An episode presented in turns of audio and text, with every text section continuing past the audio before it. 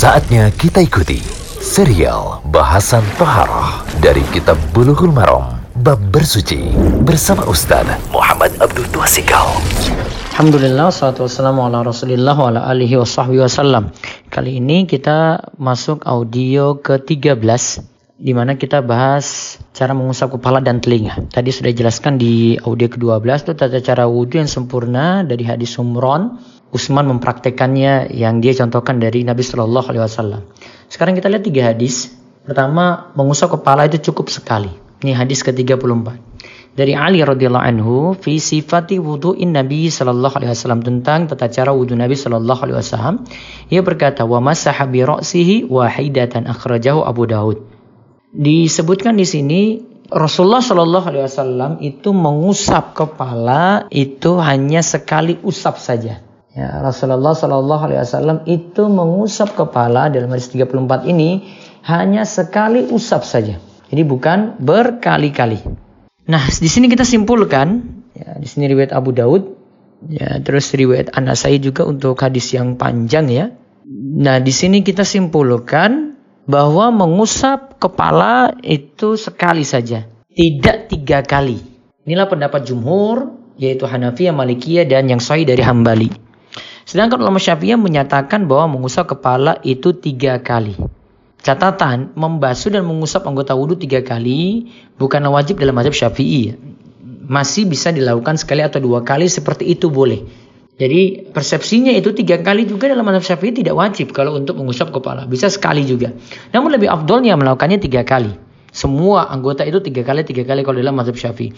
Adapun lebih dari tiga kali itu dimakruhkan. Para ulama sepakat bahwa yang wajib adalah sekali dalam membasuh ataupun mengusap.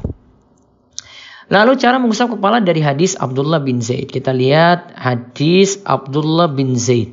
Ya, dalam hadis Abdullah bin Zaid mengusap kepala ini dicontohkan lagi. Caranya disebutkan dalam hadis ke-35 dari Abdullah bin Zaid radhiyallahu anhu ia bercerita tentang tata cara wudu Rasulullah sallallahu alaihi wasallam.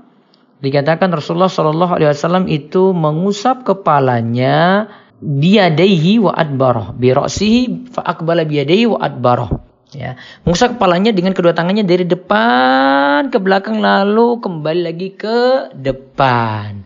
Muttafaqun alaih. Hadis ini diriwayatkan oleh Imam Bukhari dan Muslim. Dalam lafaz yang lainnya disebutkan beliau mengusap dengan kedua tangan dari bagian depan kepala hingga ke tengkuk lalu menariknya lagi ke tempat memulainya Nah di sini para ulama simpulkan sebagian ulama berpendapat bahwa mengusap seluruh kepala itu wajib. Inilah pendapat Imam Malik ya dan masyur dari Imam Ahmad.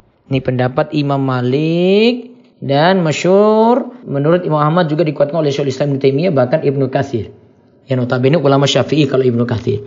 Sedangkan ulama Syafi'i ya berpendapat bahwa mengusap kepala itu cukup sebagian. Nah, menurut ulama Syafi'iyah selama disebut mengusap walaupun sedikit maka sudah sah. Jadi, kalau dalam mazhab Syafi'i ini tangan basah, usap bagian depan saja ya seperti umumnya kaum muslimin lakukan di negeri kita itu sah. Namun ya kita lagi bahas sempurna ya, lebih bagus mengusap seluruh kepala dari depan sampai belakang, tarik lagi ke depan.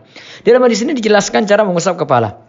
Dimulai dari bagian depan lalu ditarik dengan tangan ke tengkuk kemudian dikembalikan lagi ke tempat awal dimulai. Bisa juga dilakukan dengan menarik dari belakang lagi. Ya ini beda ya. Kalau dari depan ke belakang bisa jadi dari dari belakang hingga ke bagian depan kepala lalu ditarik lagi ke belakang.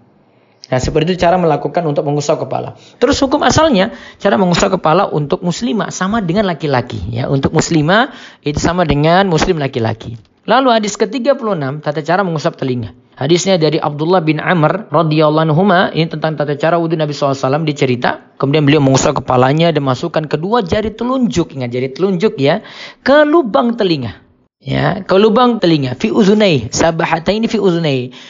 Jari telunjuk ke lubang telinga, lalu mengusap bagian luar dua telinga tersebut dengan ibu jari. Hadis ini diriwayatkan oleh Abu Daud, Anasai Ibnu Majah, ya Ahmad juga Ibnu Khuzaimah. Hadisnya punya penguat ya sehingga bisa mengangkat ke derajat sahih. Kesimpulannya telinga itu diusap bukan dibasuh atau dicuci. Jadi tangan cukup basah. Yang kedua, telinga itu bagian dari kepala menurut jumhur atau mayoritas ulama. Dalam hadis Ibnu Umar disebutkan bahwa dua telinga itu bagian dari kepala. Namun hadis ini punya cacat menurut para ulama. Yang ketiga, cara mengusap telinga adalah dengan masukkan jari telunjuk pada lubang telinga untuk mengusap bagian dalam. Lalu jari jempol yang mengusap bagian luar.